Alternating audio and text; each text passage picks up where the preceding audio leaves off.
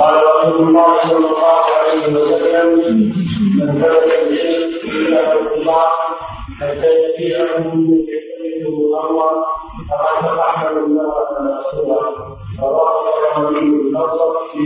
الحسن. من حبس العنب حين القطار يعني حين أخذه من الشجر ونضجه تركه على الشجر ينتظر ليبيعه على من يتخذه خمر. وقد تقحم النار على بصيرة. تقحم النار أي أدخل نفسه فيها. على بصيرة يعني على علم وتعمد فهذا الحديث أصل وقاعدة عظيمة في أنه لا تجوز الإعانة على المعصية. لا تجوز الإعانة على المعصية. قال تعالى وتعاونوا على البر والتقوى ولا تعاونوا على الإثم والعدوان. واتقوا الله إن الله شديد العقاب. ومن الإعانة على المعصية بيع العنب. لمن يعلم أو يغلب على ظنه أنه يصنع منه الخمر. لأن الخمر تصنع من العنب. هذا هو الغالب. وتصنع من التمر وتصنع من من الشعير ومن الأطعمة. تصنع من أشياء كثيرة لكن من أهمها العنب. فالذي يحبس العنب حتى يأتي من يشتريه ليصنع منه الخمر؟ وهو يعلم ذلك أو يغلب على ظنه؟ هذا حرام. لأنه من الإعانة على الإثم والعدوان. والثمن الذي يتقاضاه محرم. وهذا يعم كل ما أعان على معصية. مثل الذي أجل محله لمن يتخذه دارا للربا. يأجر محله للبنوك الربوية. يأجر محله لبيع لبيع الآلات المحرمة كآلات الموسيقى والمعازف وآلات الطرب أو يأجر محله لمن يبيع الخمر أو يبيع الدخان أو يبيع القات أو يبيع سائر المحرمات. كل هذا حرام لا يجوز. حتى ولو كان الذي يقوم بهذه الأعمال من الكفار لا يجوز. والذي يبيع السلاح على الكفار ليقاتلوا به المسلمين أو يبيع السلاح على قطاع الطرق أو على البغاة الذين يخرجون على إمام المسلمين؟ لأن هذا من الإعانة على الإثم والعدوان. ومن باب أولى من يبيع المحرمات. الذي يبيع المسكرات والمخدرات والمفجرات أو يبيع الميتة أو الخمر أو الخنزير. فإذا كان الذي يبيع على من يعمل هذه الأشياء عاصيا فكيف بالذي يبيع الأشياء ويتولى هذا بنفسه؟ الأمر أشد.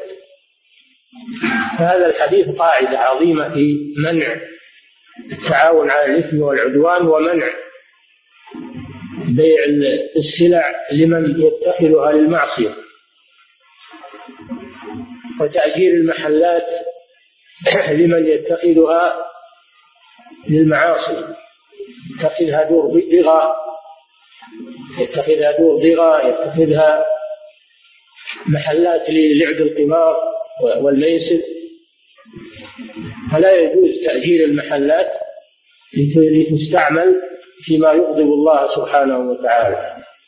كذلك لا تؤجر المحل لمن تعلم انه لا يصلي.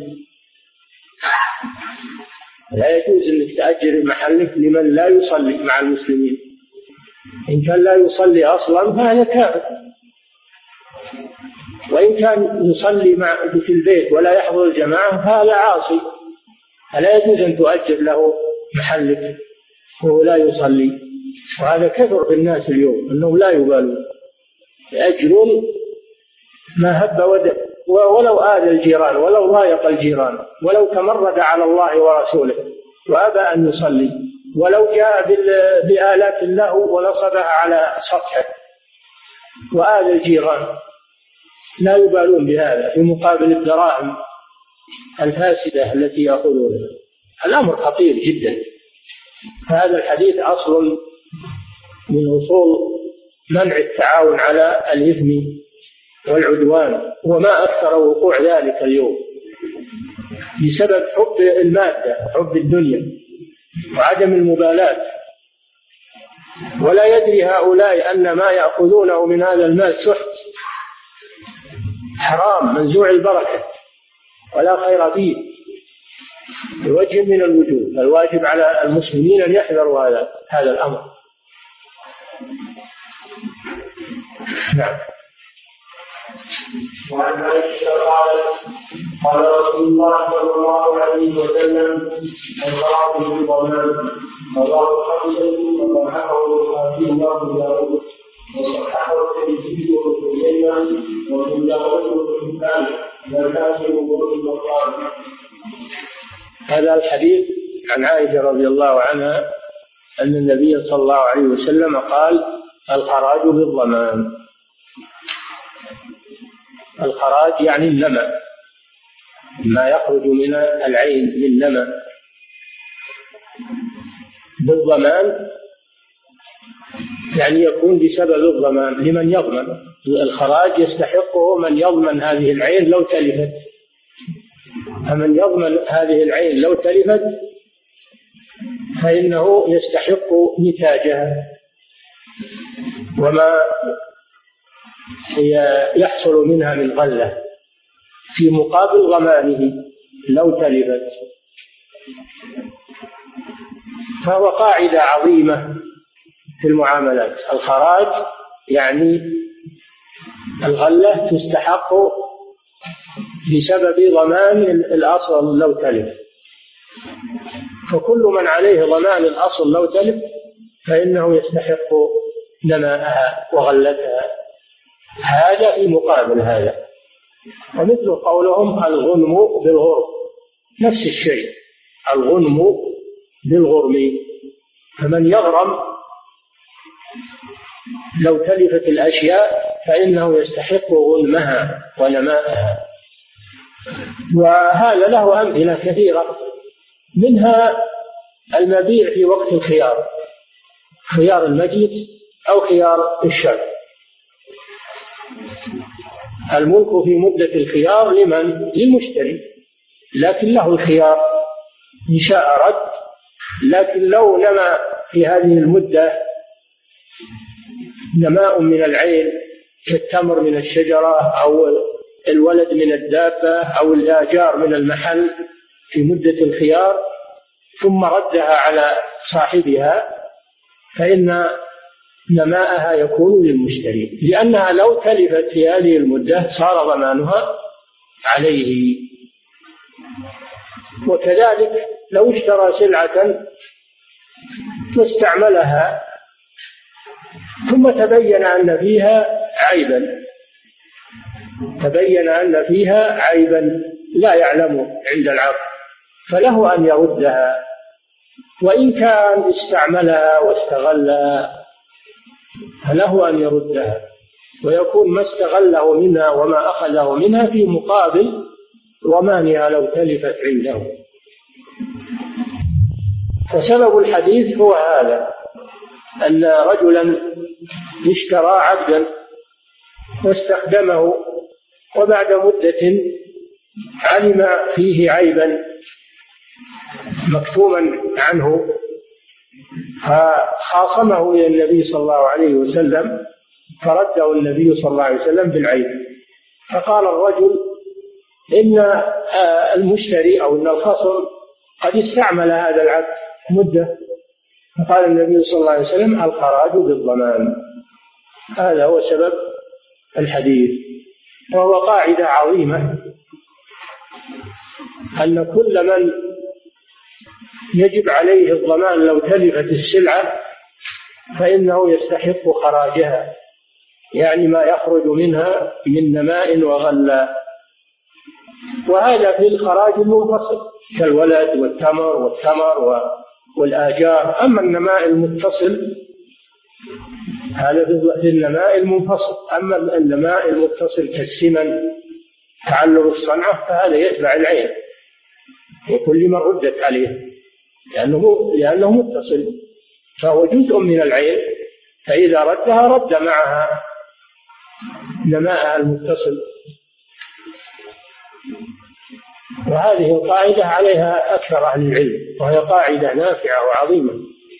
وحاسمة للنزاع بين الخصوم نعم.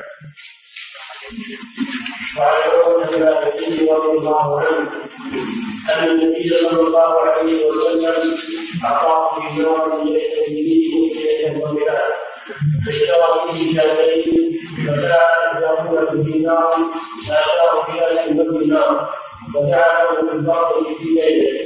فكان ذكر صراط النفس كرامها فيه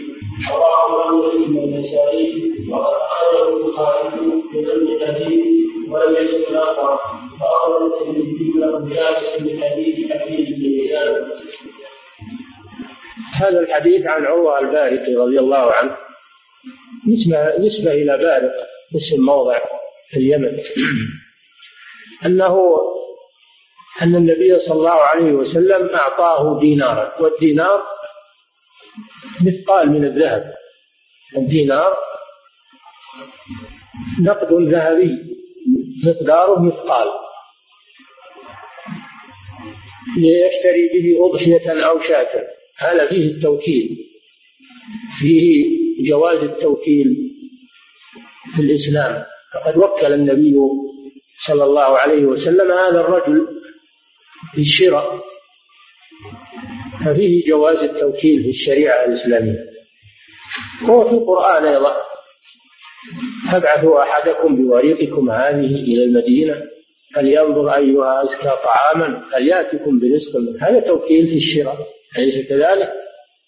فالوكالة جائزة بالكتاب والسنة والإجماع.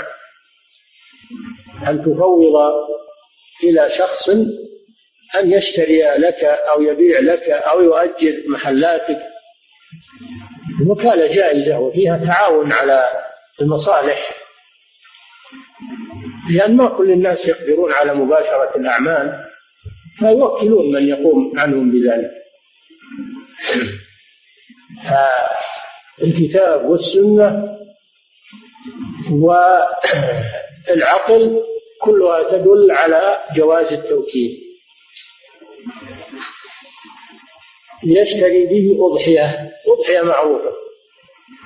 هي القربان الذي يذبح في عيد النحر و... وأيام التشريق. هذه الأضحية. وهي قربة إلى الله سبحانه وتعالى وفيها فضل عظيم. وقد ضحى النبي صلى الله عليه وسلم عن أهل بيته عنه وعن أهل بيته وضحى عن من لم يضحي من المسلمين.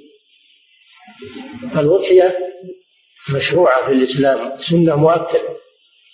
وبعض العلماء يرى وجوبها ولكن الذي عليه الجمهور أنها سنة مؤكدة. حتى قال شيخ الإسلام لو استدان الإنسان ما عنده شيء لو استدان وضحى لكان هذا طيبا. لأنه فيها شعيرة وهي سنة. هذا مما يؤكد مشروعية الأضحية لأنها قربة إلى الله سبحانه وتعالى. وهي من العبادات المالية. قال تعالى صل لربك وانحر إن صلاتي ونسكي ومحياي ومقرن النسك مع الصلاة. ما يدل على فضل التقرب إلى الله بذبح الأضاحي والهدي وذبح الأضاحي والهدي والعقيقة والقربات إلى الله سبحانه وتعالى. يشتري له أضحية. أو يشتري له شاة. الشاة هي تكون أضحية أيضا فذهب عروة رضي الله عنه فاشترى بالدينار شاتين الرسول فوضه في شاة. فاشترى شاتين تصرف هو. ثم باع شاة بدينار. فجاء إلى النبي صلى الله عليه وسلم بشاة ودينار. فدعا له النبي صلى الله عليه وسلم فقال له بارك الله لك في صفقة يمين فكان لو اشترى ترابا بعد ذلك لربح فيه وذلك ببركة دعوة النبي صلى الله عليه وسلم. هذا الحديث كما ذكرنا فيه أولا جواز التوكيل في البيع والشراء ونحوه من العقود. ثانيا في الحديث دليل على جواز تصرف الفضولي جواز تصرف الفضولي أي تصرف الشخص الذي لم يوكل. لو باع لك شيء واشترى لك شيء وأنت ما وكلته.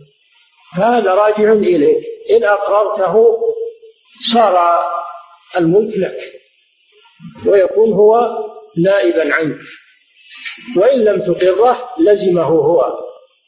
إن لم تقره لزمه هو. البيع والشراء يكون له هو. هذا الحديث فيه جواز على جواز تصرف الفضول بالإجازة. إذا أجازه من اشتري له أو بيع له بدون إذنه. وهي مسألة مشهورة عند الفقهاء بتصرف الفضولي هذا الحديث دليل على جوازها إذا أقرها الموكل أو أقرها من تعومل من تعومل له ببيع أو شراء بدون إذنه.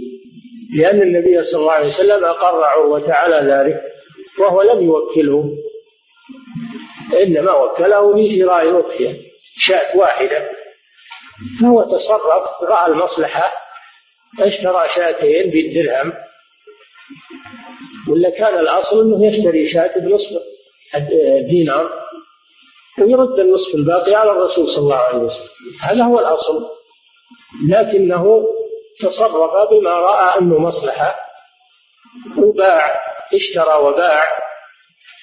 ولما أقره النبي صلى الله عليه وسلم على ذلك ودعا له صح هذا التصرف. فهذا راجع إلى المتصرف له. فإن أجاز صح التعامل. وإن لم يجز فإنه يرجع العقد إلى المباشر.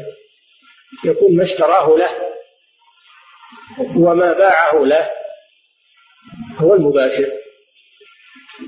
هذه مسألة تصرف الفضول وفيها خلاف بين العلماء كثير لكن الصحيح هو هذا أنها تصح بالإجازة.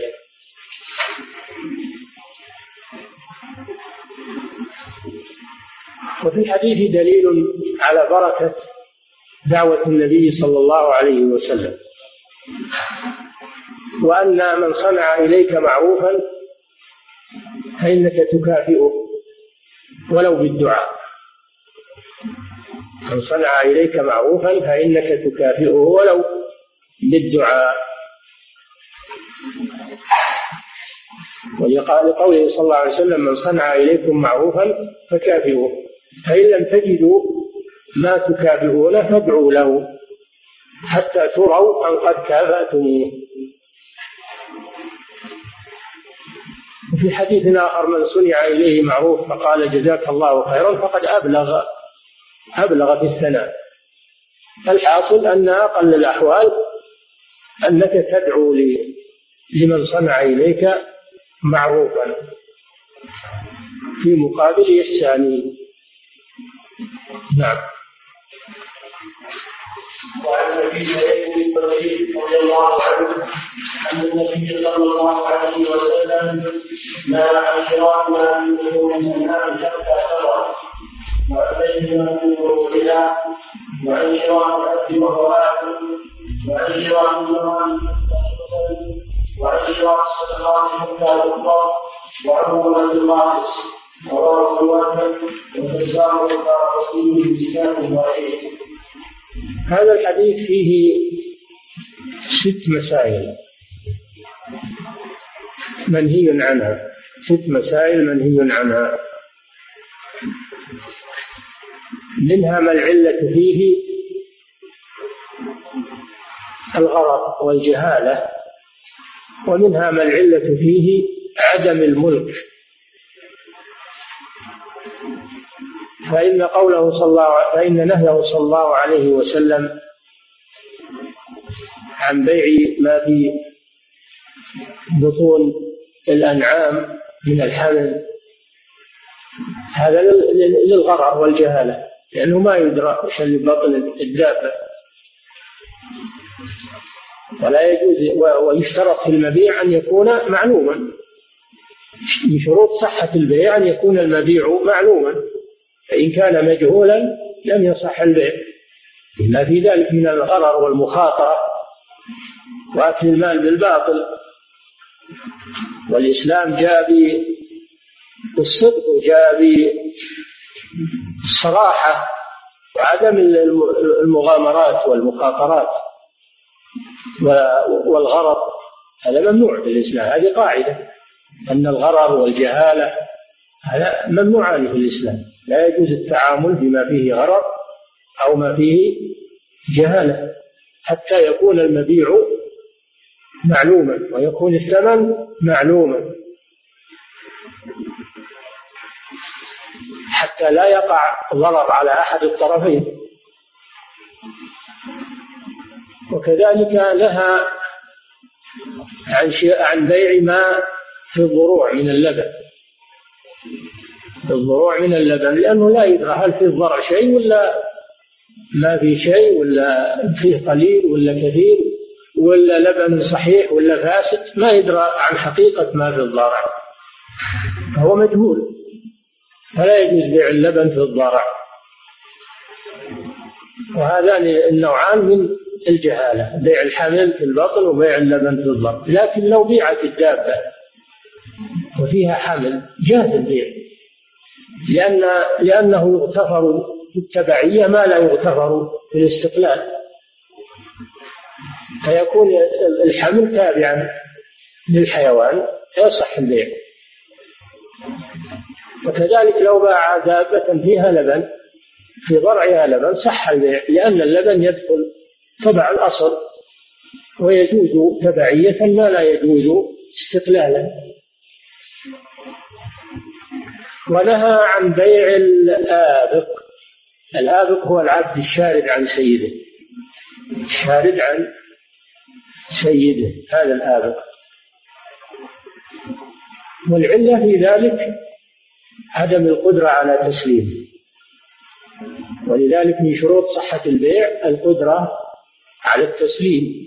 فلو باع جملا شاردا أو باع عبدا آبقا أو باع طائرا في الجو يطير في الجو هو ملكه لكنه يطير الآن. عندك حمام تطير الآن في الجو ما يجوز تبيعه حتى تمسكها لأنك ما تدري تجي ولا ما تجي؟ العبد ما تدري يمسك ولا ما يمسك. الجمل ما تدري. فلا يشترط في المبيع أن يكون مقدورا على تسليمه للمشتري. وكذلك نهى النبي صلى الله عليه وسلم عن شراء عن شراء المغانم قبل أن تقسم واحد من المجاهدين له نصيب في الغنيمة لكن ما بعد قسمت.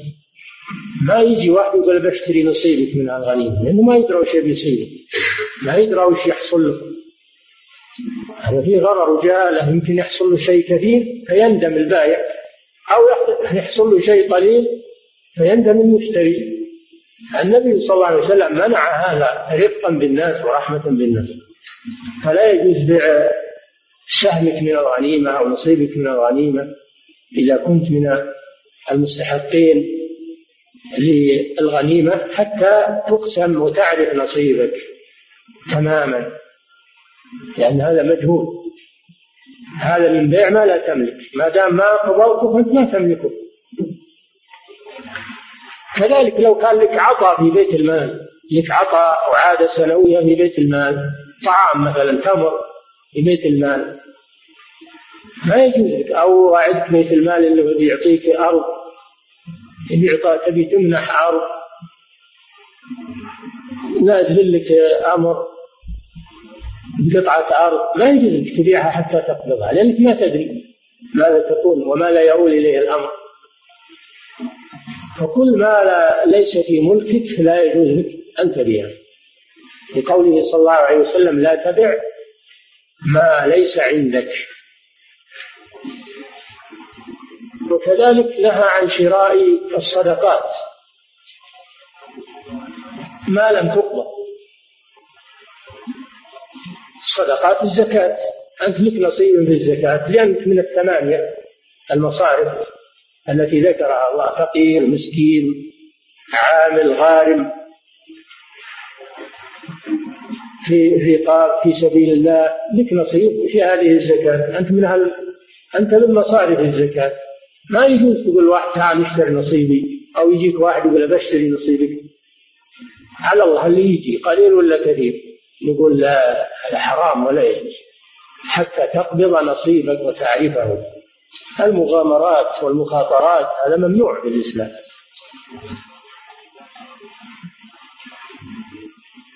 وكذلك نهى صلى الله عليه وسلم عن ضربة الغايص. الغايص في البحر اللي يغوصون للدخل يغوصون في البحار لاستخراج اللؤلؤ والمرجان. يقول لك أنا بغاص في البحر هالمره هل يحصل؟ أبيعه عليك بكذا وكذا. أو يجي واحد يقول أبشتري من خوصك هالمرة اللي تحصل عاد قليل ولا كثير؟ أبشريه منه. يقول لا هذا حرام. ما تدري تحصل شيء ولا ما تحصل شيء. تحصل كثير ولا تحصل قليل؟ هذا مجهول. فلا يجوز. ضربة الغايص. يعني ما يحصل له في الغوصة. في المرة من الغوص. هذا ما يجوز. حتى تحصل على هذا الشيء ثم تبيعه. بيعا صريحا ما فيه غش ولا فيه خديعة المغامرات والمخاطرات هذه ممنوعة في الإسلام. وكذلك بيع السمك في الماء.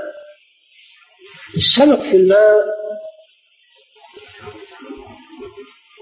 هذا له حالتان. الحالة الأولى أن يكون مقدورا على أخذه كأن يكون في بركة صغيرة ومحصورة؟ بركة محصورة ما فيها مخارج. ويمكن تناوله وأخذه. هذا لا بأس ببيعه في الماء لأنه ما فيه جهالة الحالة الثانية أن أن يكون في ماء غزير ولا يمكن السيطرة عليه إلا ب إلا بقبضه. كأن يكون في البحر. أو يكون في بركة مفتوحة على البحر هذا لا يجوز بيعه لأنه قد يذهب ولا تحصل عليه. لما فيه من الجهاد كذلك الطير في الهواء كما ذكرنا إن كان الطير في مكان محصور يطير في مكان محصور في غرفة في شبك ما ما له مخرج لا بأس ببيعه لأنه مقدور على أخذه أما إن كان الطير في الهواء في مكان مطلق ما هو محدود فلا يجوز بيعه. لما في ذلك من الجهالة والخطر. فيؤخذ من هذا هذا الحديث القاعدة المشهورة منع الغرر والجهالة ومنع بيع ما لا يملك الإنسان. وهذا يدل على أن الإسلام ليس فيه مخاطرات ولا مغامرات ولا مراهنات. لما في ذلك من أكل المال في الباطل. فلعب القمار والميسر والمخاطرات هذا كله ممنوع في الإسلام. وإن كانت الآن على أشدها قائمة على أشدها كل تعامل أكثر الناس والتجار الكبار كله على المغامرات وعلى الرهان وعلى القمار هذا حرام. يصبح الرجل ثريا من أثرى الناس في لحظة ثم يصبح فقيرا من أفقر الناس في لحظة. هذا يحرمه الإسلام. لا يجوز. لا يجوز هذا في الإسلام. وهو من أكل المال بالباطل وهو من الميسر المحرم. الحاصل أنه لا يجوز في الإسلام. كل غرر وكل جهالة وكل مخاطرة وكل مراهنة. إلا ما جاء في الحديث استثناء في المراهنات مثل السباق على الخيل وعلى الإبل وعلى الرماية هذا لا بأس منه يعين على الجهاد هذه أدوات جهاد. أما ما عدا ذلك فلا يجوز المراهنات أبدا ولا يجوز المخاطرات ولا المغامرات التي قد يثري فيها الرجل ثراء فاحشا بلحظة أو يصبح فقيرا مبدعا في لحظة. هذا حرام الآن تقوم أسواق للقمار وأسواق للمغامرات والمخاطرات. أسواق كبيرة والمسابقات. اللي تأخذ فيها سيارة بقيمة خمسية ألف أو كذا. بسبب المراهنة من أين استحقيت هذه السيارة؟ هذا خداع ومكر. وأكل المال بالباطل. نعم. وعن ابي مسعود قال قال رسول الله صلى الله عليه وسلم لا تشربوا سبب الماء فانه الله. رواه أحمد وأشار إلى أن الصواب تابع للحديث الذي قبله تابع للمسائل التي قبله. السمك في الماء لا يجوز بيعه. إذا كان لا يقدر على أخذه أما إذا كان يقدر على أخذه لأن كان في ماء يسير ومحوز ماله مخارج فلا بأس. نعم. وعن ابن عباس رضي الله عنهما قال جاء رسول الله صلى الله عليه وسلم ان تباع ورحمه ولا يباعكم على ظهر ولا يدعو في ظهر رواه الطبراني في الوسط ودار وأخرجه أبو داود في مراسيل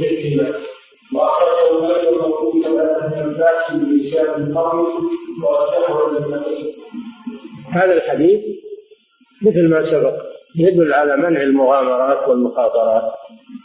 نهى عن بيع الصوف على الظهر لما في ذلك من الجهالة ولأنه يفضي إلى النزاع في قص الشعر. هذا يقول ارفع وهذا يقول نزل.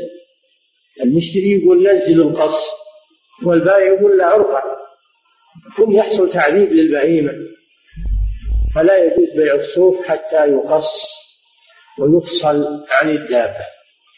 أما بيعه وهو على ظهر الدابة وإن كان مشاهدا فإنه لا يجوز لما في ذلك من النزاع بين الطرفين ولما في ذلك من تعذيب الدابة. في قص شعرها لما قد يكون من الاستقصاء في القص حتى يؤلمها ذلك نهى عن بيع وكذلك عن بيع الثمرة حتى تطعم. يعني يبدو صلاحها. وهذا سيأتي إن شاء الله في باب مستقل وهو باب بيع الأصول والثمار. نهى صلى الله عليه وسلم عن بيع الثمار حتى يبدو صلاحها. لأن بيعها قبل بدو الصلاح عرضة للتلف والآفات.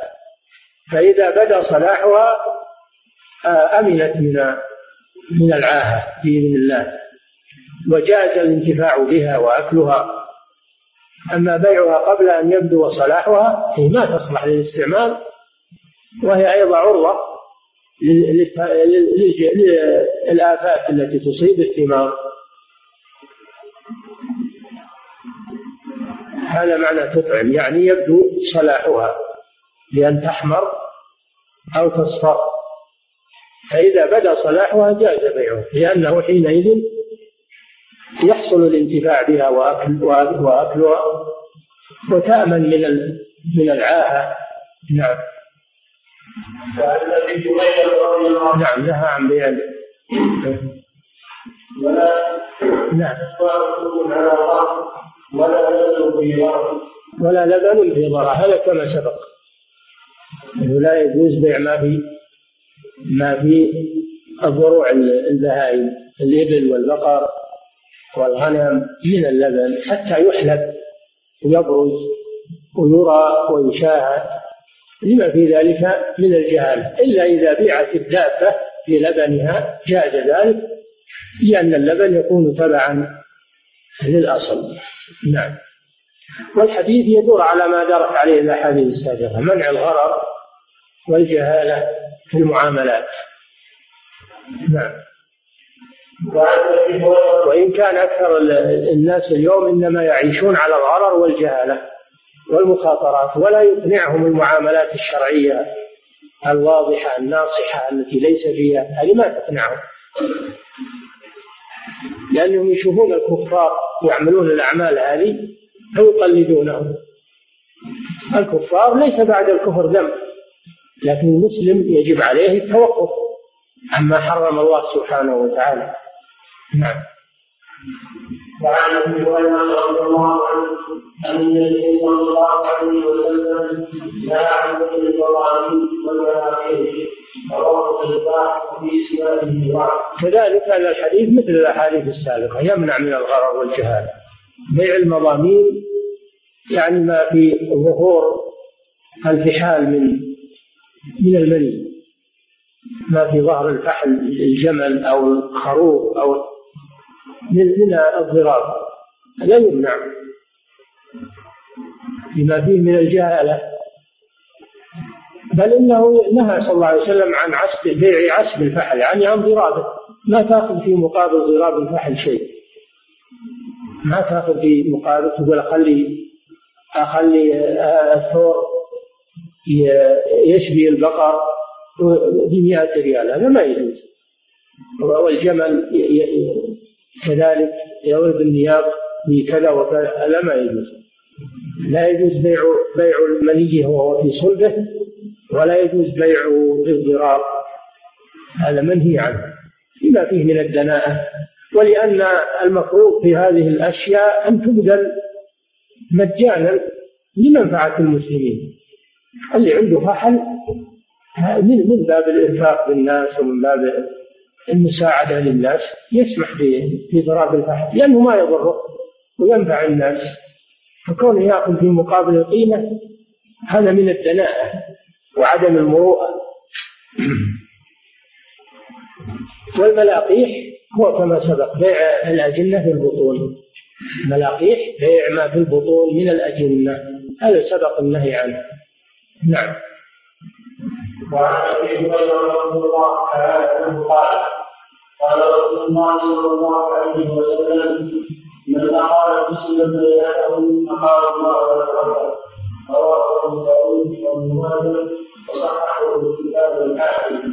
ختم المؤلف رحمه الله باب البيع في في هذا الحديث. في هذا الحديث. من أقال مسلما بيعته أقال الله عثرته يوم القيامة. هذا فيه الترغيب في الإقالة. والإقالة هي فسخ العقد ورفعه ورجوع البائع بالسلعة ورجوع المشتري. بالثمن. هذه هي الإقالة فإذا تندم أحد الطرفين البائع تندم أو المشتري تندم فمن المستحب أن صاحبه يقيله. وهذا ليس بواجب. لكن الأحسن والمستحب الإقالة لما فيها من إدخال السرور على المسلم ورفع الضرر عنه لكن لو صمم وقال لا من قيل نقول ما يلزم ذلك. لأن العقد صحيح وتام ومنتهي ما فيه. إنما هذا راجع إلى مروءته وإلى وإلى طيبة نفسه. النبي صلى الله عليه وسلم رغبه في ذلك. ولم يلزمه. قال من أقال مسلما بيعته أقال الله عثرته. أما بالترغيب أقال الله عثرته أي زلته يوم القيامة. يعني يغفر له الرب سبحانه وتعالى. لأن الجزاء من جنس العمل فكما أنه أقال أخاه وعفى عنه فإن الله جل وعلا يقيل يوم القيامة من خطأه ويتوب عليه سبحانه وتعالى. الجزاء من جنس العمل. وهل جزاء قال تعالى هل جزاء الإحسان إلا الإحسان؟ الجزاء من جنس العمل؟ ففي هذا الحديث دليل على مشروعية الإقالة واستحبابها. وفيه دليل على أنها ليست واجبة. ليست واجبة. وإنما هي راجعة إلى اختيار الطرفين البائع والمشتري.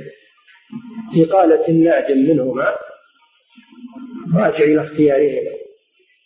المسألة الثالثة في الحديث دليل على أن الجزاء من جنس العمل. على فضل الإقالة في البيع والشراء. وألا يصر الإنسان على العقد ولا ينظر إلى لا ينظر إلى ندم أخيه وإلى حالة أخيه. قد يكون معسرا بالثمن ما عنده ثمن. قد يكون إنه ندم لأن السلعة ما تناسب له. قد يكون هناك عذر من الاعذار فيراعي المسلم يراعي حالة أخيه ولا يحمله الإصرار على العبد على عدم الإحسان. نعم.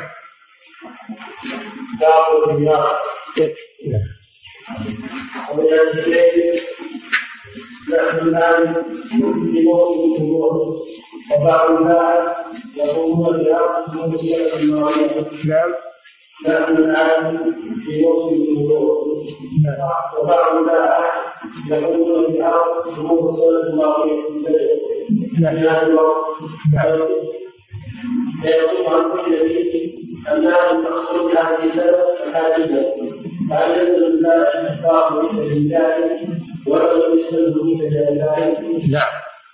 هذا لازم. إذا كانت من ثمرة العام الماضي لازم تبين لأنها الآن تشتبه بسبب الفريزرات ووسائل التبريد صارت كأنها من ثمرة هذه السنة.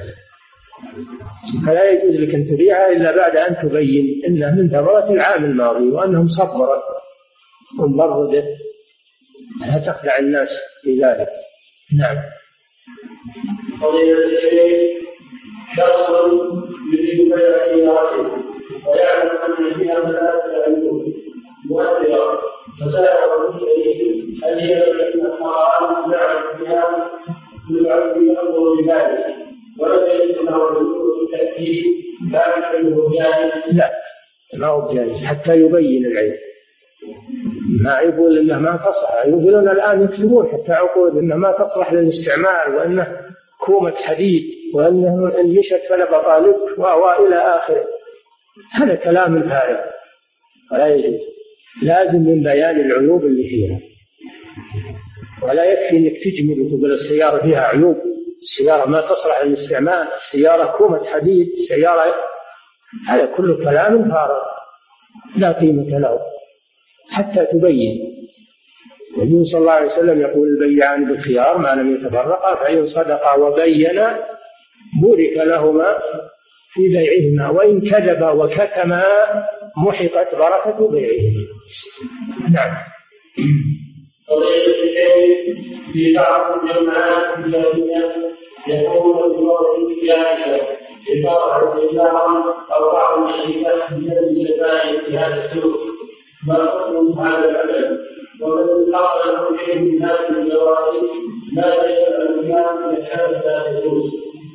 هذا لا يجوز وقد صدرت فيه فتاوى من دار الافتاء بانه حرام لأنه فيه مفاسد. اولا إنه يحث الناس على الشراء وقد يكونون لا حاجة لهم في السلع وإنما يشرونها من أجل الجائزة فقط.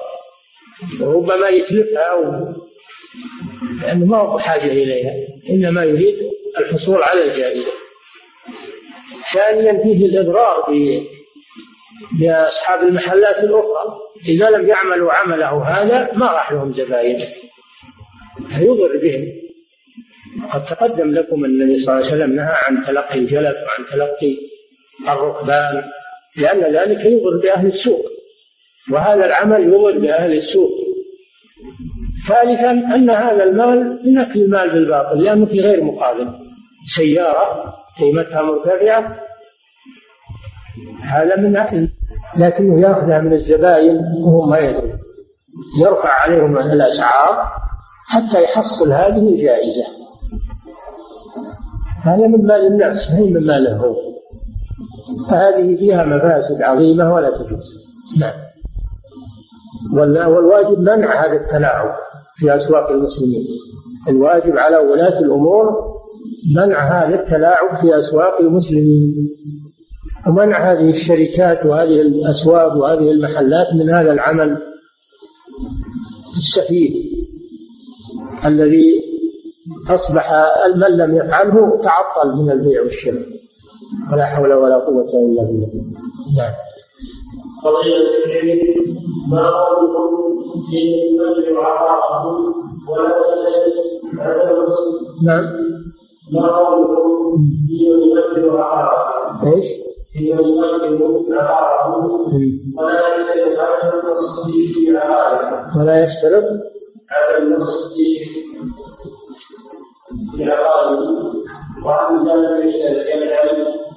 ما يجوز له إذا علم أنه بينصب دش ما يجوز له أجره يجوز والله غيره إذا علم أنه ينصب دش ما يجوز له أجر ولو لم يسقط عليه. ما يجوز. وإذا ركب دش يجب عليه إخراجه لأن هذا فيه إضرار بالجيران وفيه إعلان للمنكر فلا يجوز له تركه وإقراره نعم.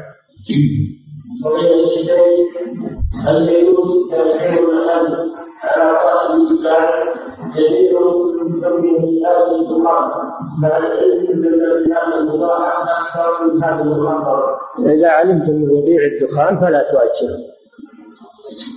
لأن هذا بيع مادة محرمة يستغل محل للمعصية وأن تعلم هذا فلا يجوز لك هذا العمل. وإذا كنت ما تعلم عند العقد وفعله بعد ذلك فلك إخراجه لأنه خالف مقتضى العقد.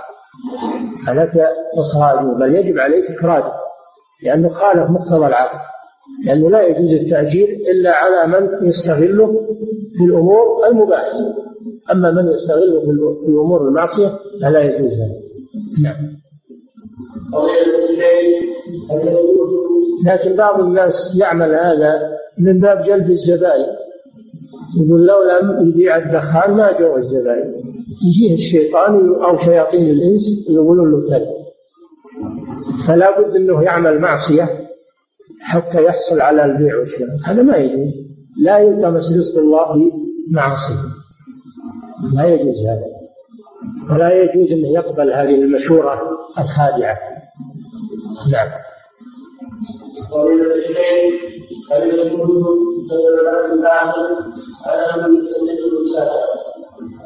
إذا كان يستطيع يعني بيع العبد الآبق أو الجمل الشارد على من عنده القدرة على إمساكه لكن متى يكون عنده القدرة؟ ما أظن لكن قالوا هذا في المقصود. يجوز بيع الشيء المغصوب على من يقدر على أخذه من الغاصب. لأن هذا شيء محوز يمكن السيطرة عليه. لكن الشارد والآبق هذا ما يمكن السيطرة عليه من أحد. نعم فلا يجوز. النبي صلى الله عليه وسلم نهى عن ذلك مطلقا. نعم. وهي الشيء إذا كانت السلعة التي فيها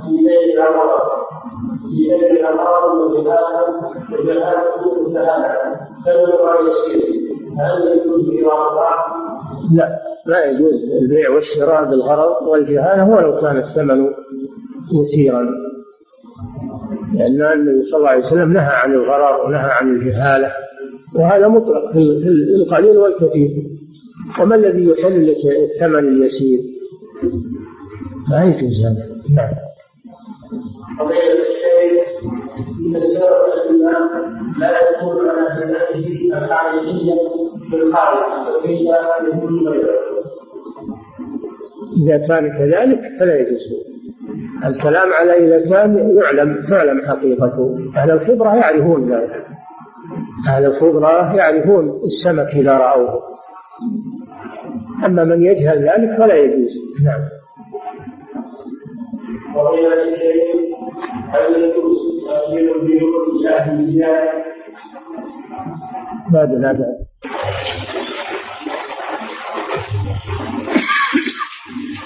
نعم. يجوز تغيير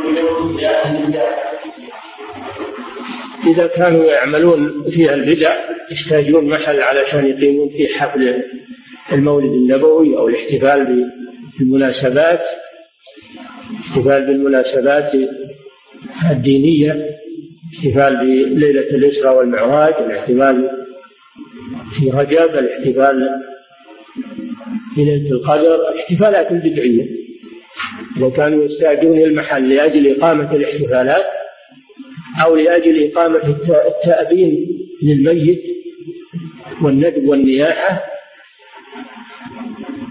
فكل هذا لا يجوز لأن هذه معاصي ولا يجوز الإعانة عليها. نعم.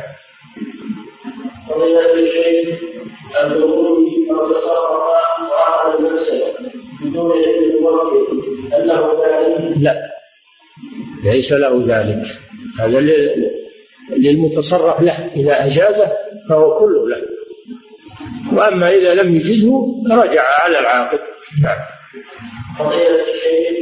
إن علمتم أن السلعة عندكم وأن أخذ البائع هذا يجوز أن أحكم بينكم إليه قل علمت إيش؟ أن السلعة أيضا أخذ من البائع هذا يجوز أن أحكم بينكم إليه إذا كانت السلعة لك وموكل واحد يبيعها لازم تبين العيب اللي فيها لازم تبين العيب اللي فيها ما تقول أنا ما باشرت البيع ولا دريت عن البيع وهذا الوكيل هذا ما يجوز. لازم تبين صاحب السلعة يلزمه أن يبين. كذلك الوكيل والدلال يلزمه أن يبين ما في السلعة. ولو قال له صاحبها لا تبين لم يجوز له أن يطيعه. ما يجوز له يطيعه. يعني هذه معصية ولا طاعة لمخلوق في معصية الخالق. نعم. إذا شاف أنهم كاتمين يبين لأن هذا من باب إنكار المنكر. النبي صلى الله عليه وسلم كما علمت أدخل يده في الطعام وقال ما هذا؟ فإذا كان المتكالة من السلعة فيها عيب وأن صاحبها كاتم يعلمه جاحد يجب عليك البيان وهذا من إنكار المنكر. نعم. وبين الشيء ما بين مسألة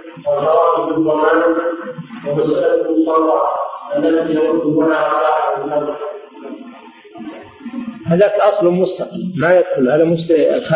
يرد معها صاع هذا مستثنى هذه مسألة مستثناة وقالوا هذا أصل مستقل. نعم تبع النص. فيستثنى من قاعدة الخراج بالضمان. نعم. فضيلة الشيخ هل يكون إقالة الإجارة؟ كل العقود كل العقود فيها إقالة الإجارة البيع كل عقود العقود المالية فيها إقالة نعم. فضيلة الشيخ هناك قراءات يضع عندنا أصحاب البيوت فهل يعتبر تجارة من أصحابها من لا نجاز هذه هذا من إقرارهم على المنكر. هذا من إقرارهم على المنكر. ومن جر اللوم عليك. لأنك إذا استأجرت محل عليه إيش قال الناس؟ هذا فلان يستأجر هذا المحل؟ صاروا يتكلمون فيك.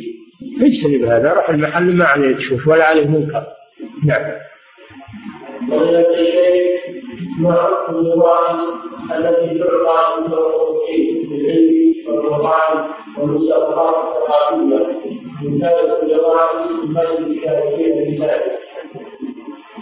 الجوائز على المسائل الفقهية والعلمية.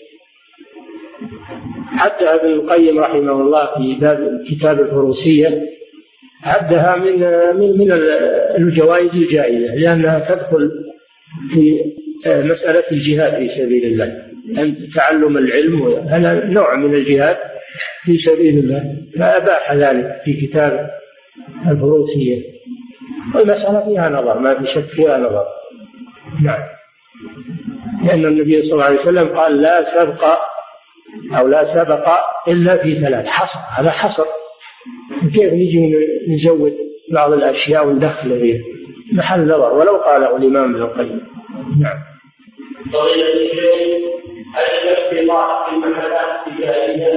لكن الجوائز اللي تعطى للمتفوقين من غير مسابقة. لا بأس بها تشجيع له. من غير مسابقة. واحد حفظ القرآن أعطيته جائزة. أو أو أجاب على مسائل فقهية وأعطيته جائزة من غير مسابقة. أنك تعقد مسابقة بين بين جماعة. أما واحد يحصل على ميزة علمية وتعطيه جائزة ما في مانع. هذا طيب تشجيع. إنما الكلام إذا قلت هذه الجائزة لمن فعل كذا وكذا. لجماعة من الناس. هذا هو اللي فيه النظر. نعم. أما أنك تعطيه ابتداء من غير من باب التشجيع فلا بأس به. نعم. نعم. نعم. اكتب سؤالك. نعم. هل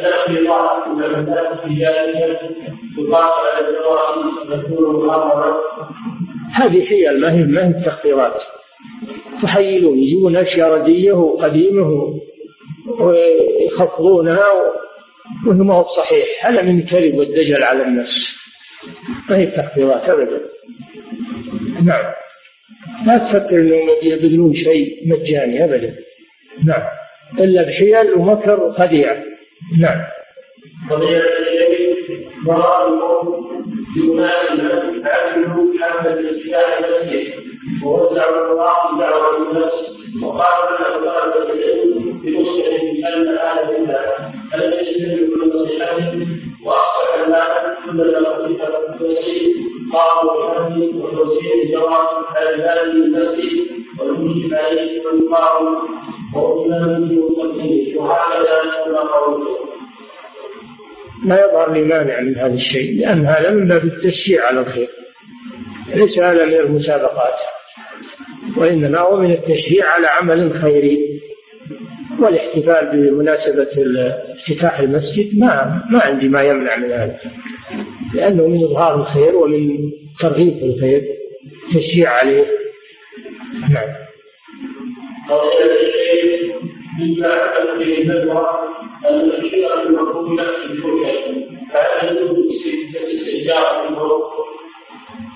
اللي فيه دش لا دش لا تستأجر لأنك لو لو ما استعملته يقولون الناس واهل الخير يعني يلومون.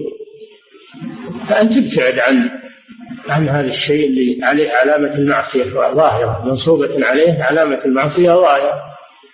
وش يدري الناس إنك ما تستعمل يقولون ما استاجر ولا يستعمل هذا الشيء. ثم أيضا هذا فيه تشجيع لهم تشجيع لأصحاب هذه المحلات. وليت أهل الخير يهجرونهم ولا يستاجرون منهم ينصحون بعدم الاستئجار منهم. لحصل ارتداعهم بذلك. نعم.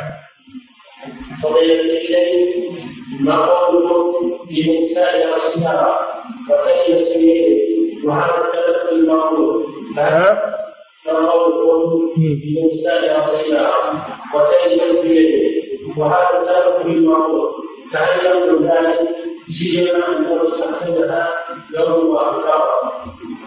العين المؤجرة أمانة في يد المستأجر. أمانة في يد المستأجر. لا يضمنها إلا إذا تعدى. إذا تعدى كان التلف بسبب تعديه وسوء استعماله فإنه يضمن.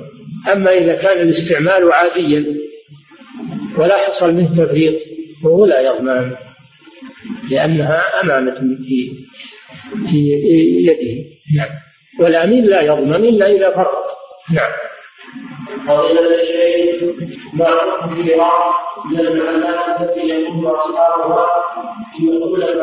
فيها العلم هذا غرض جهال يجعل الشيء اللي يسوى عشرة اللي يسوى مئة يجعله بعشرة واللي يسوى نصف قرش يخليه بعشرة.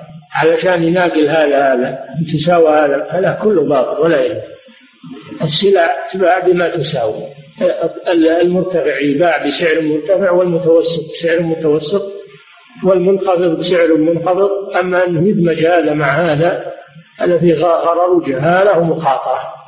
نعم. كل كل شيء بعشرة يقول كل شيء بعشرين. ما هو صحيح. إلا لو كان اللي في المحل كله متساوي كله ما يساوي إلا عشرة ما في مانع. صناديق صغيرة للمصالح لا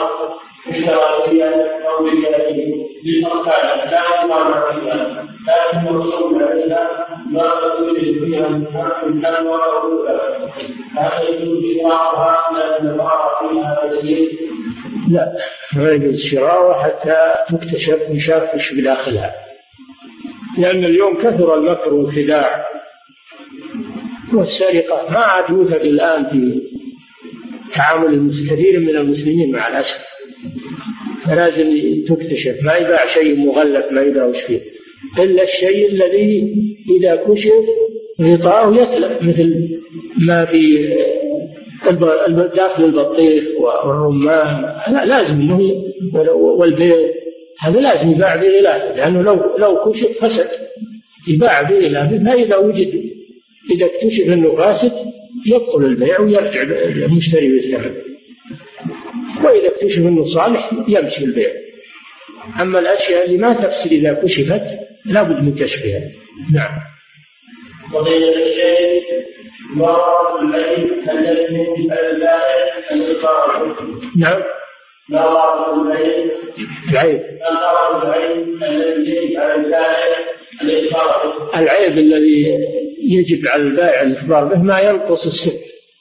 ما ينقص عين السلعة أو ينقص قيمتها. ينقص عينها أو ينقص قيمتها. أما الشيء اللي ما ينقص العين ولا ينقص القيمة هذا وجوده كعدم. نعم.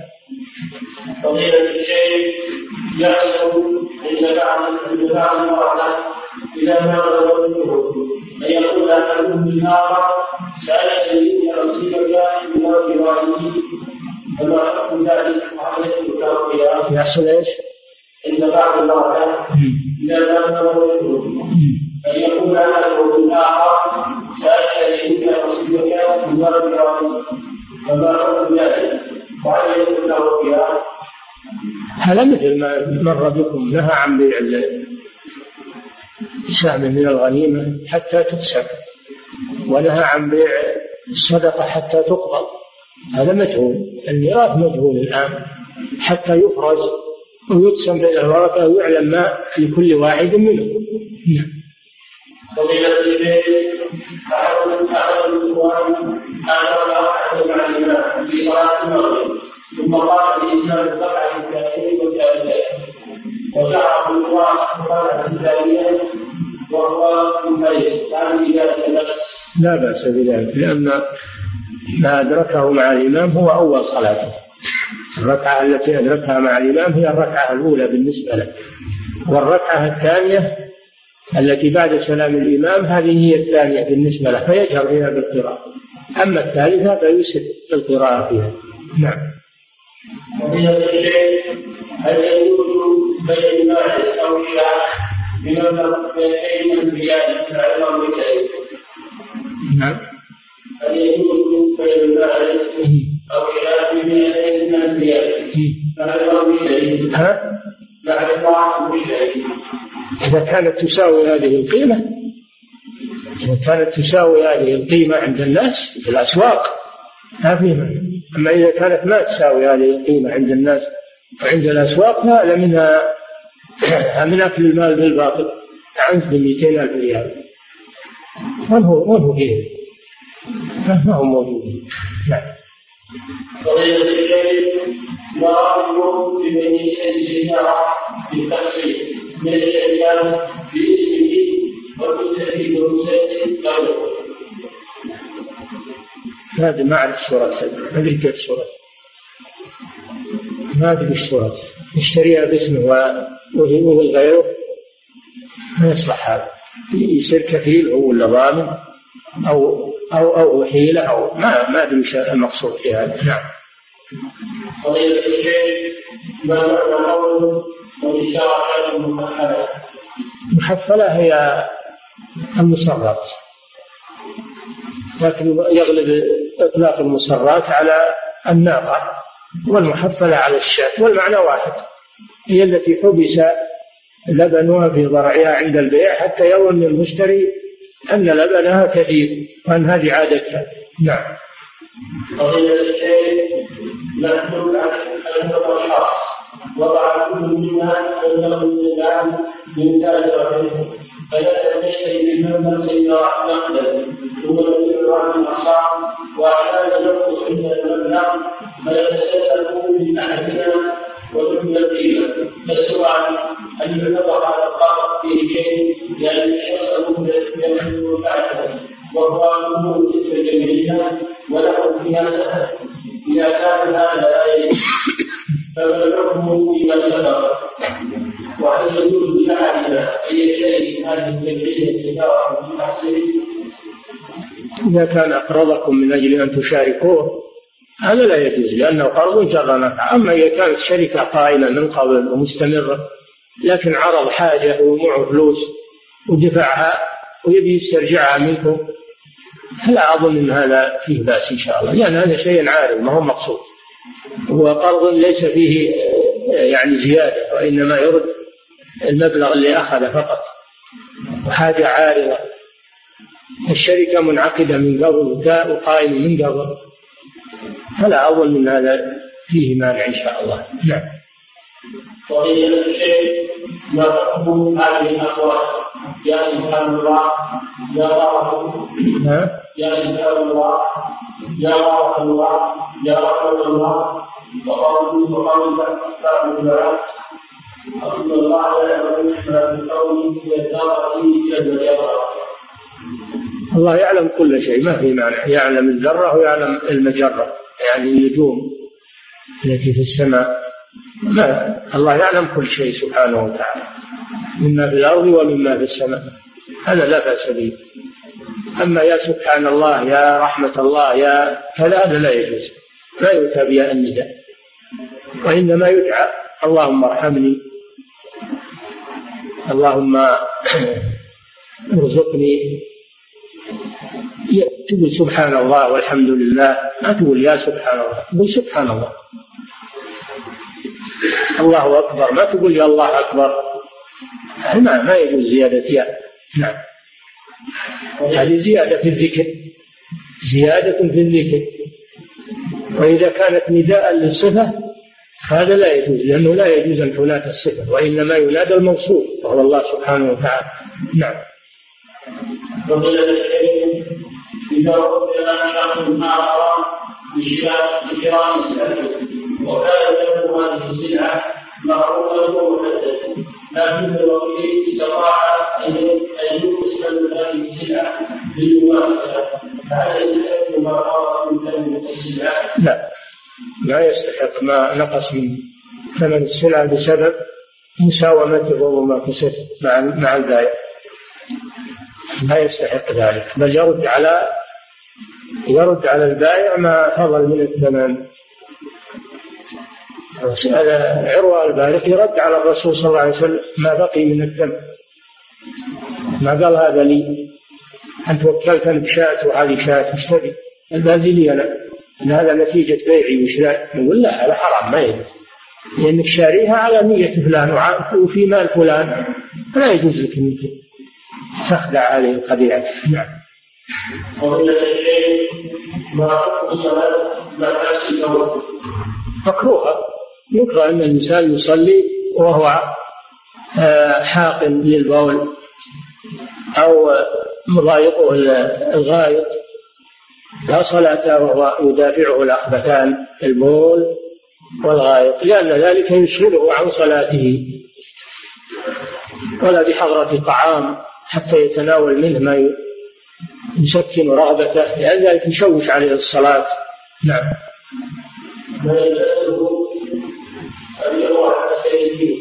الجسد أصل الكعبين هل يجوز؟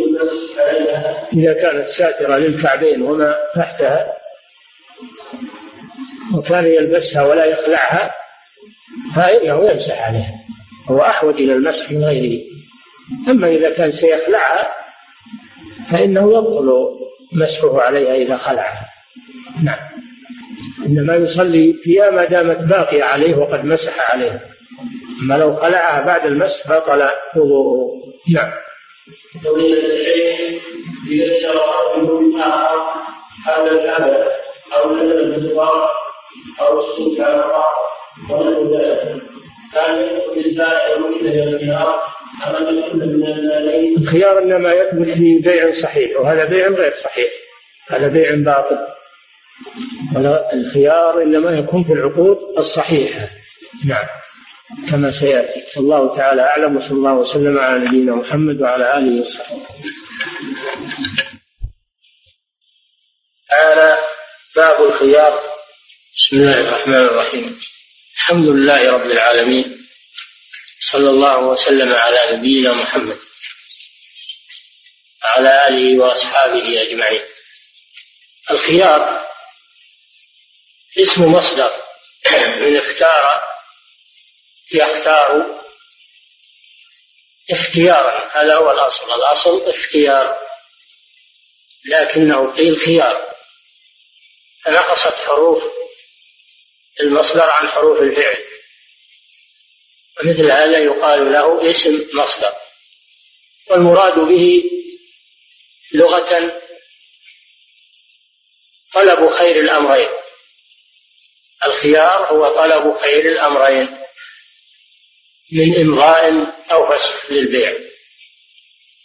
وتشريع الخيار في في البيع من محاسن هذا الدين. لأن البيع قد يتم بسرعة فلا يتأمل أحد الطرفين خسارته أو ربحه. فأعطاه الشارع مهلة. بعد صدور البيع أعطاه مهلة. يتروى فيها فإن رأى أن هذا البيع من صالحه أمضاه وإن رأى أنه في غير صالحه فسخ فهذا فيه توسعة على المسلم وهو من محاسن هذه الشريعة. والخيار أنواع. خيار المجلس خيار الشرط خيار الغبن إلى آخر أنواع الخيار التي يذكرها الفقهاء. لكن أشهرها هذه الثلاثة خيار وهي المذكورة في هذا الباب. خيار المجلس خيار الغبن خيار المجلس خيار الشرط خيار الغبن نعم. وعن ابن عمر رضي الله عنهما عن رسول الله صلى الله عليه وسلم قال إذا تبايع الرجلان فكل واحد منهما بالخيار ما لم يتفرقا وكانا جميعا أو يخير إحداهما الآخر أحدهم. أو يخير أحدهما الآخر. فإن خير أحدهما الآخر فتبايعا على ذلك فقد وجب البيع. وإن تفرقا بعد أن تبايعا ولم يترك واحد منهما البيع فقد وجب البيع. متفق عليه واللفظ لمسلم. هذا الحديث ابن عمر رضي الله تعالى عنهما أن النبي صلى الله عليه وسلم قال البيعان أو المتبايعان بالخيار. يعني البائع والمشتري. بالخيار. أي لكل واحد منهما التروي بين الإمضاء والفسخ ولا يلزم البيع بمجرد العقد لما في ذلك من الحرج والإغلاق بل جعل لهما الشارع الخيار بعد صدور العقد. لكن بشرط أن يكون ذلك في مجلس العقد يتبايعان بالخيار ما لم يتفرقا. يعني عن المجلس. بالأبدان تفرقا بالأبدان عن مجلس العقد. حتى ولو طال المجلس فما دام المجلس باقيا وهما لم يتفرقا فإن البيع غير لازم. ولو مشيا جميعا وركبا سيارة مثلا فالمجلس باقي. ما لم يتفرقا بأبدانهما. أو يخير أحدهما الآخر. هذا خيار الشرط. فجعل البيع يلزم بأحد أمرين إما بالتفرق من المجلس وإما لمضي مدة خيار الشرط. فإذا فإذا شرط الخيار لهما أو لأحدهما فإنه يستمر ولو بعد التفرق من المجلس. خيار الشرط يستمر ولو تفرقا من المجلس. قال لك الخيار يوم يومين ثلاثة عشرة أيام ما نوع الخيار. يسمى خيار شرط. قد قال صلى الله عليه وسلم المسلمون على شروطهم. هذا معنى أو يخير أحدهما الآخر وهو خيار الشرط. إن تفرقا بعد أن تبايعا ولم يترك أحدهما البيع فقد وجب البيع. أو خير أحدهما الآخر ومضت مدة الخيار فقد وجب البيع. فالبيع يلزم بأحد أمرين إما بالتفرق من المجلس وإما بانتهاء مدة خيار الشرط. فهذا الحديث فيه نوعا من أنواع الخيار خيار المجلس وخيار الشرط. أما خيار الشرط هذا لا خلاف فيه بين العلماء. إذا شرط الخيار مدة معلومة أو شرط الخيار لأحدهما مدة معلومة لا خلاف في ذلك. قوله صلى الله عليه وسلم المسلمون على شروطهم. أما خيار المجلس فهذا ثابت من غير شرط حكم المجلس. ولو لم يكن هناك شرط. وهذا موضع خلاف بين العلماء على قوله قول الأول ثبوت الخيار في المجلس وهو قول جماعة من الصحابة والتابعين ومن الأئمة الأربعة الشافعي وأحمد رحمهم الله لهذا الحديث. والقول الثاني وهو قول أبي حنيفة و ومالك أنه لا خيار للمجلس وأن البيع يلزم بمجرد انتهاء العقد بالإيجاب والقبول ولا خيار عندهما للمجلس بل البيع عندهم يلزم بمجرد تمام الصيغة وهي الإيجاب والقبول. وأجابوا عن هذا الحديث بأجوبة. كلها كلها متكلفة ولا عبرة بها. مع الحديث إذا صح الحديث فلا قول لأحد. وقد صح الحديث وهو متفق عليه فلا قول لأحد.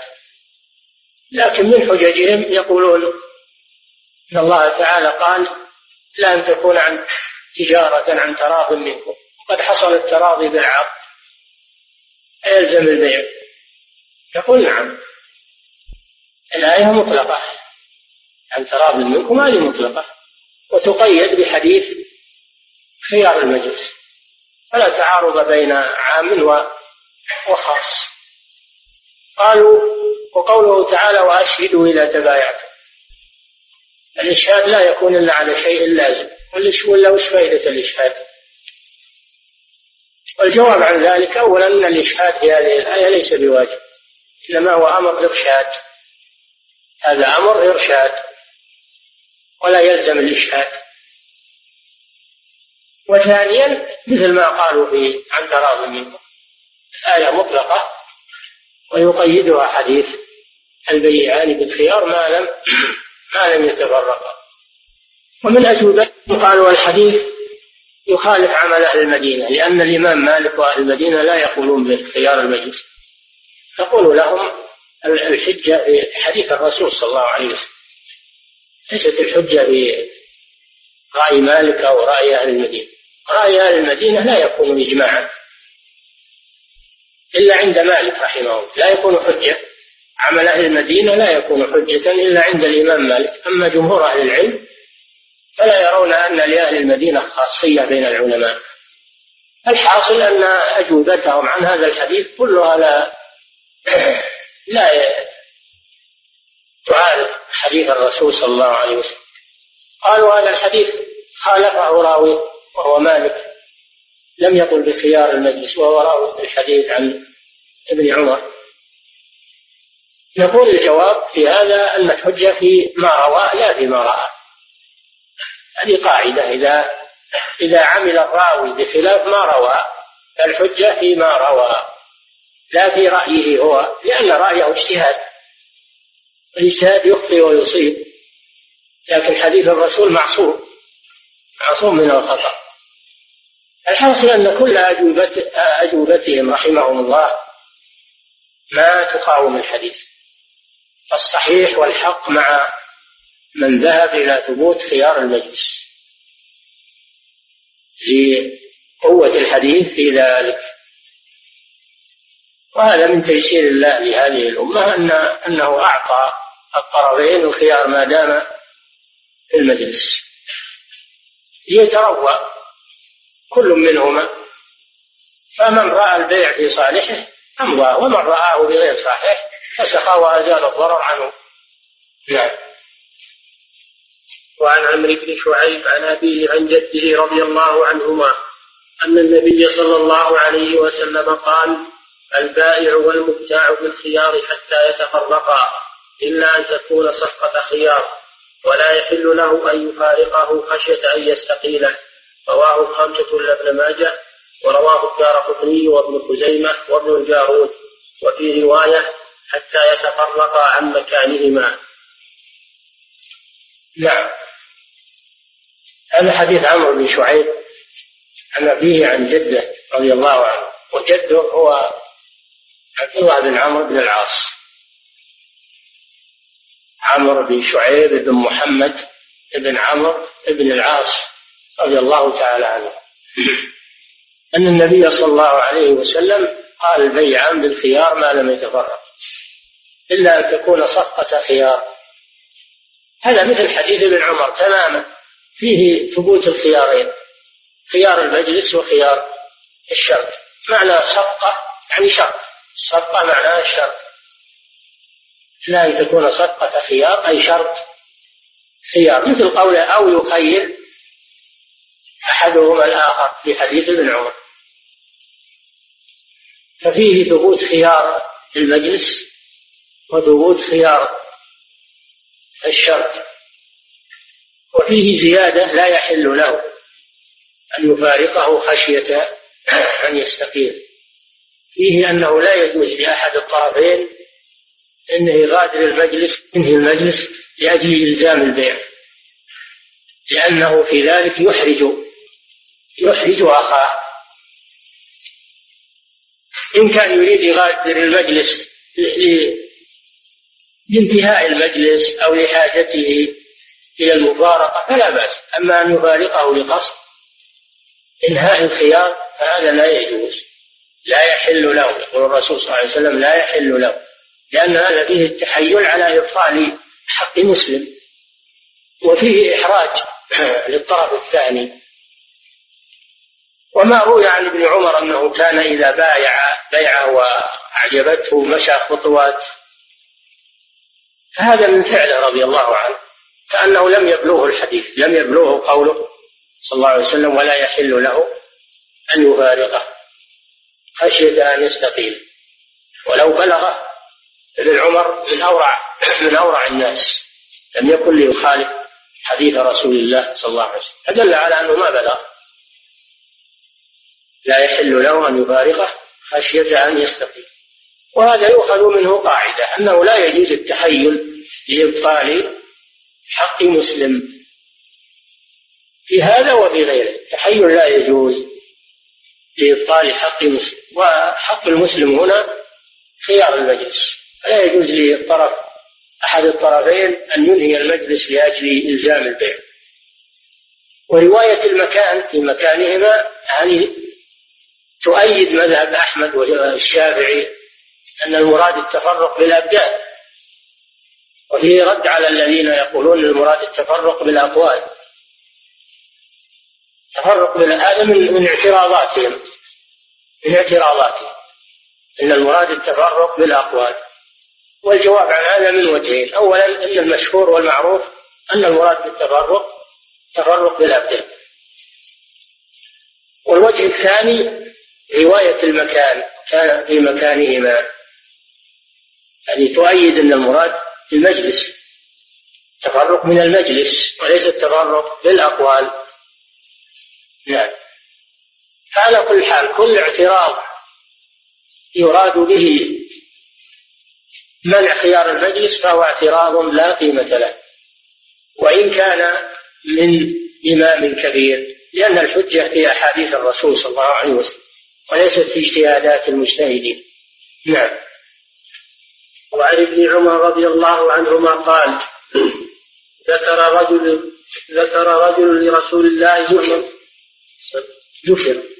ذكر رجل عندك رجلا منصوب؟ نعم.